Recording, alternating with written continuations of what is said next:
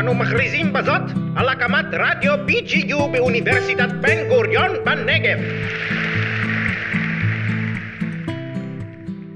שלום למאזינים ולמאזינות. אני עמית קסטל ופה איתי נמצאת מיכל פיינשטיין. כחלק מהתואר הראשון שלנו, אנחנו לוקחים חלק בקורס האיחוד האירופי, זהויות, אזרחות ולאומיות של הפרופסור שרון פרדו. אז על מה אנחנו הולכים לדבר היום? היום נדבר על עמים שדורשים הכרה ועצמאות באירופה, ונתמקד בעיקר בקטלוניה. נספר לכם גם קצת על עמים אחרים, הנלחמים על עצמאותם בדרכים שונות, ועל הדרך נגלה כמה פרטים מעניינים. אז שנתחיל? כן, אבל קודם, שאלה למחשבה. כמה מדינות לדעתכם יש בעולם? כיום, מספר המדינות המדויק איננו מוסכם, בעוד שהאו"ם מכיר ב-206 מדינות, רק 193 מהן חברות מלאות בארגון, וישנן מדינות שמוגדרות כמשקיפות, אך לא זוכות להכרה מלאה. ממשלת ארצות הברית, לדוגמה, מכירה ב-195 מדינות. רוסיה מכירה ביותר מדינות מאשר ארצות הברית. כיוון שהיא מכירה למשל בפלסטין כמדינה. וכך גם באוסטיה הדרומית ובאבחזיה שנמצאות בגיאורגיה. אך איננה מכירה בקוסובו, שמוכרת על ידי מספר מדינות. בהרבה מדינות באירופה ישנם עמים שקוראים לעצמאות ודורשים הכרה. תכף עמית יכיר לנו כמה מהם. אז uh, היום אנחנו נדבר בעצם על מה שקורה באירופה. כשהתיישבנו להכין את העבודה הזאת, די הופתענו לגלות שיש לא מעט עמים שקוראים לעצמאות. חלקם עושים את זה בדרכים דיפלומטיות יותר, וחלקם בדרכים שכוללות לחימה. הנה רק כמה דוגמאות, ממש על קצה המזלג. אז הראשונה היא הרפובליקה הטורקית של צפון קפריסין, או קפריסין הצפונית אם תרצו. כמו שהשם מרמז, אז היא נמצאת בחלק הצפוני של האי קפריסין. מדובר בשטח גדול יחסית, כ-37% משטח המדינה. היא פועלת כרפובליקה עצמאית, אך לא מוכרת על ידי אף מדינה, פרט לאזרבייג'אן וטורקיה, שתומכות בה כלכלית, דיפלומטית וצבאית. ומנגד, לא מכירות באופן רשמי בקפריסין עצמה. עוד דוגמה מעניינת היא סקוטלנד. העניין עם סקוטלנד הוא מעט שונה. סקוטלנד קיימת כחלק מהממלכה הבריטית המאוחדת כבר מאות שנים, אך יש בה מערכות חוק, משפט, חינוך ודת עצמאיות, ולמרות כל זה, היא לא נחשבת למדינה עצמאית, כיוון שהיא עדיין חלק מבריטניה. כבר בשנות ה-70 החלו להישמע קולות שקראו לעצמאות והיפרדות מבריטניה, כאשר השיא היה בחודש ספטמבר 2014, בו נערך משאל עם על הנושא, והתומכים בהיפרדות זכו רק ל-45%, וסקוטלנד נשארה חלק מהממלכה. בהתאם להחלטה של בריטניה להתנתק מהאיחוד האירופי, מה שאנחנו יותר מכירים כהברקזיט, עלתה שוב הדרישה למשאל עם בנושא, בהובלתה של ניקולה סטרג'ון. עוד דוגמה מאוד מעניינת היא הדוגמה של איי פארו וגרינלנד, שנמצאות תחת שלטון דנמרק. אז איי פארו נמצאים איפשהו בין סקוטלנד, נורבגיה ואיסלנד, אבל שייכים בעצם לדנמרק. האזור מוכר כאוטונומי, אך לא עצמאי, ופרט לענייני חוץ וביטחון, מנוהל על ידי השלטונות המקומיים. הדרישות לעצמאות לא היו משמעותיות יותר מדי, אבל ב-2017 החלה מתיחות דיפלומטית, כולל מספר התבטאויות חריפות מצד ההנהגה של איי פארו, שר החוץ שלה וראש הממשלה. ב-2018 הוחלט על קיום משאל עם בנושא כינון חוקה, צעד משמעותי מאוד בדרך להיפרדות. אך העניין נדחה ונכון לעכשיו נשלח להערכה מחדש. עדכונים בהמשך. אז גרינלנד. גרינלנד הוא האי הגדול ביותר בעולם. הוא נמצא בצפון האוקיינוס האטלנטי, הוא ממוקם קרוב יחסית לקנדה, אבל נמצא גם הוא בשליטה דנית. קצת מוזר, אנחנו יודעים. אבל גם כאן לא מדובר במאבק פיזי ולוחמני. ב-2017 הצהירה גרינלנד כי לטעמה דנמרק מעורבת יתר על המידה במתרחש באי, ובפרט בעניינים הפנימיים. בגרינלנד ממוקמים גם בסיסים צבאיים אמריקניים כבר יותר מ-70 שנה. נושא שעלה גם הוא לסדר היום בשנים האחרונות, בטענה שתושבי האי לא זכו עדיין לקבל תמלוגים או פיצויים על הקרקעות שנלקחו מהם.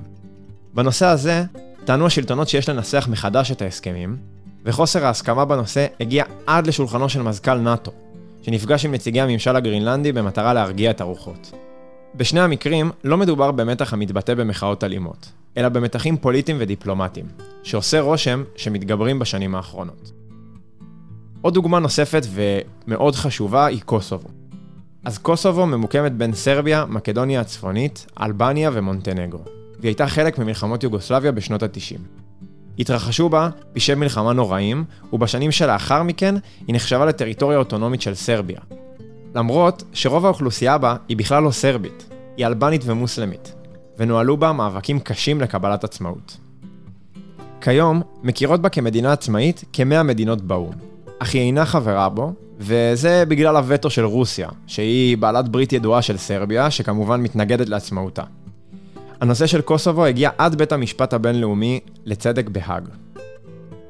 מדובר באחת הסוגיות המדממות ביותר של אירופה, ובמלחמה שהצריכה את התערבותם של כוחות נאט"ו והאו"ם, כאשר רבים מהעצורים סביב מלחמה זו הוגדרו ומוגדרים כיום כפושעי מלחמה. הדוגמה האחרונה, ובה גם נבחר להעמיק קצת יותר, היא קטלוניה שבספרד. אבל לפני שנעמיק בנושא של דרישת העצמאות של העם הקטלני, בואו נבין מהי בכלל קטלוניה. קטלוניה ממוקמת בחלק הצפון-מזרחי של ספרד, וגובלת עם צרפת ואנדורה בצפון, ובחלקה המזרחי עם הים התיכון. קטלוניה מחולקת לארבעה מחוזות הקרואים על שם העיר הגדולה ביותר בכל מחוז, ג'ירונה, לידה, טרגונה וברצלונה, כאשר האחרונה היא בירתה של קטלוניה. בקטלוניה חיים כשמונה מיליון תושבים, והשפה הרשמית והמדוברת ביותר היא השפה הקטלנית. המבנה השלטוני של קטלוניה מורכב מ-135 חברים במועצה המחוקקת, 16 מתוכם הם חברי פרלמנט, המשמשים כשרים לענייני פנים, ובראשם עומד נשיא קטלוניה. אז מה בעצם כל כך מיוחד בקטלוניה? קודם כל, השפה הקטלנית נחשבת לשפת המיעוט המדוברת ביותר בעולם. האזור הגיאוגרפי שקטלוניה נמצאת בו הוא מאוד מגוון. היא ממוקמת על הים התיכון ברובה, אך בחלקה הצפוני נמצאים הרי הפירינאים, מה שהופך אותה לחבל ארץ מגוון ועשיר בתחומים רבים, כמו חקלאות, מסחר וכמובן תיירות. קטלוניה אחראית על חמישית מהתוצר הלאומי וליותר מרבע מהייצוא של ספרד. בנוסף, הנמל בה הוא מהגדולים באירופה והעמוס שבהם. מדובר על מאות מיליארדי דולרים. קבוצות הספורט של ברצלונה הן מהטובות בעולם כמעט בכל ענף, בפרט בכדורגל. בברצלונה גם נמצא אצטדיון הכדורגל הגדול באירופה, הקאמפ נו, שמושך אליו מיליוני תיירים בשנה. דבר אחרון, בקטלוניה נולד סגנון האדריכלות המכונה המודרניסטה, המזוהה יותר מכל עם אנטוניו גאודי, שאחראי לבנייתם של לא מעט מבנים בברצלונה. טוב, אז קצת תאריכים ושנים כדי להבין מה התהליך שקרה בקטלוניה. אנחנו נחזור אחורה עד ל-1932, שבשנה הזו קטלוניה זוכה למעמד של אוטונומיה. אבל ב-1937, הגנרל פרנקו עולה לשלטון, הוא מאחד את ספרד, וקטלוניה מאבדת את הזכויות האוטונומיות שלה. מ-1937 עד 1975, ספרד הייתה תחת שלטון דיקטטורי פשיסטי. לאחר מותו של פרנקו, הפכה ספרד לדמוקרטיה וקידמה את האוטונומיה במחוזות השונים. אך ככל שהדמוקרטיה בספרד התחזקה, כך גם קטלוניה. ב-1979, קטלוניה מכריזה על הרחבת האוטונומיה באמצעות חוקים מעוגנים, מה שהתקבל אצל הממשלה המרכזית במדריד די בחיוב. אנחנו נקפוץ קצת קדימה, לספטמבר 2005. הפרלמנט של קטלוניה מעביר חוק חדש ומכריז על קטלוניה כהלאום, מה שכולל תעדוף של השפה הקטלנית על פני השפה הספרדית, ומודל אקונומי חדש. העניינים מתחילים להתחמם, ובספטמבר 2010 חל שינוי בחוק, והוסרה התייחסות לקטלוניה כאומה, מה שגרם להפגנות מחאה אדירות ברחבי קטלוניה. עוברים לנובמבר 2014, מתקיימת הצבעה לא מחייבת על הכרה של עצמאות קטלוניה, אבל היא זוכה ללא פחות מ-80% תמיכה. בספטמבר 2015, הכוחות התומכים בעצמאות של קטלוניה מקבלים רוב בבחירות האזוריות. והקולות לעצמאות רק ממשיכים לעלות ולהתחזק. בנוסף לרגשות הלאומיים, הטענה המרכזית של תומכי ההיפרדות היא שקטלוניה מהווה כוח כלכלי עצום בספרד, ובעצם, ספרד היא זו שנשענת על קטלוניה, ולא להפך.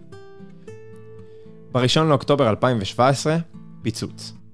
מתקיים משאל עם חד צדדי על נושא העצמאות, למרות שבית המשפט החוקתי המרכזי במדריד פסק שהנושא לא חוקי כבר ביולי של אותה שנה. אבל התמיכה שמתקבלת היא רחבה, השוטרים חוסמים את הרחובות ומתחילים במעצרים נגד חלק גדול מהמפגינים. ארבעה ימים אחר כך, בחמישי לאוקטובר, בית המשפט החוקתי במדריד משהה את כל הפעילות של הפרלמנט הקטלוני, שהתכוון להכריז על עצמאות קטלוניה באופן חד צדדי. ב-27 וב-28 לאוקטובר זה באמת קורה. הפרלמנט הקטלוני מחליט להצביע בכל מקרה ומכריז על היפרדות חד צדדית. נשיא קטלוניה, קרל פוצ'דמון, מואשם בבגידה ומתחיל גל מעצרים נגד כל הצמרת השלטונית הקטלונית, וממשלת ספרד מודיעה כי היא תיקח את השליטה בקטלוניה. בהפגנות לאורך התקופה הזו נעצרו מאות אנשים וכ-800 נפצעו. אוקטובר 2019, שנתיים אחר כך, בית המשפט מרשיע 12 מנהיגים קטלונים שתמכו בהיפרדות, וההפגנות מתחדשות. מדובר בהפגנות אלימות במיוחד עם עשרות פצועים. עם זאת, כל המורשעים הורשעו בסעיפים שונים מבגידה, כמו המרדה או שימוש בלתי הולם בכספי ציבור. בסקרים שנערכו לאחר מכן, אחוזי התמיכה בהיפרדות כבר ירדו לסביבות ה-50%. תומכי ההיפרדות מצידם טוענים שהמעצרים והאלימות שהפגינו ממשלת ומשטרת ספרד רק יחזקו את כוח התנועה. פוצ'דמון עצמו נמצא בגלות בבלגיה, וצווי המעצר שהוצאו נגדו בוטלו נכון לעכשיו. עד כאן דיברנו על מה קרה בספרד, אבל מה היה לאיחוד האירופי ולמדינות האחרות בעולם להגיד על כל זה? בית המשפט החוקתי בספרד קיבל את התמיכה של כל המדינות הגדולות באירופה. צרפת, גרמניה ומהאיחוד האירופי עצמו. ז'אן קלוד יונקר, נשיא הנציבות האירופית, שאגב סיים את תפקידו בנובמבר האחרון, תמך בפעולות שנקט הממשל הספרדי, והצהיר שהאיחוד ימשיך את התקשרותו מול הממשל המרכזי שבמדריד. יונקר גם טען שהיפרדות מספרד, משמעותה היפרדות מהאיחוד על כל הצעדים המשתמעים מכך, כולל יציאה רשמית מהאיחוד והגשת בקשה חדשה להצטרפות, צעד שממשלת ספרד תצליח ככל הנראה לטרפד. בנוסף, הביע יונקר חשש שתמיכה בצעד כזה תגרום מדינות אחרות למערכות דומות, וכי לדבריו, הוא לא רוצה מצב בעוד 15 שנה שהאיחוד יהיה מורכב מ-95 מדינות. הוא גם טען כי המצב בו נמצא האיחוד היום מורכב מספיק, ואין צורך להרים קשיים נוספים. כרגע נראה שההפגנות האלימות והרוחות הסוערות קצת נרגעו, בטח בתקופת הקורונה. אפשר גם לשער שעמדתם של ממשלת ספרד והאיחוד האירופי לא עתידה להשתנות. אבל זה לא אומר שהרגשות הלאומיים לא ממשיכים לבעור אצל אזרחי קטלוניה. נעשה את זה שוב. כן. אפשר גם לשער שעמדתם של ממשלת ספרד והאיחוד האירופי אינה עתידה להשתנות. אבל זה לא אומר שהרגשות הלאומיים לא ממשיכים לבעור אצל אזרחי קטלוניה. וכנראה שהסוף של הסיפור הזה עדיין לא הגיע. רק הזמן יגיד. טוב, הגענו לסוף. תודה רבה לכולכם ולכולכן על ההאזנה, ותודה לפרופסור שרון פרדו ולצוות של רדיו BGU, למנהל התחנה בוזי רביב, ואופיר לוגסי שהייתה על הסאונד. תודה מיכל, תודה עמית. והמשך האזנה נעימה לכולם.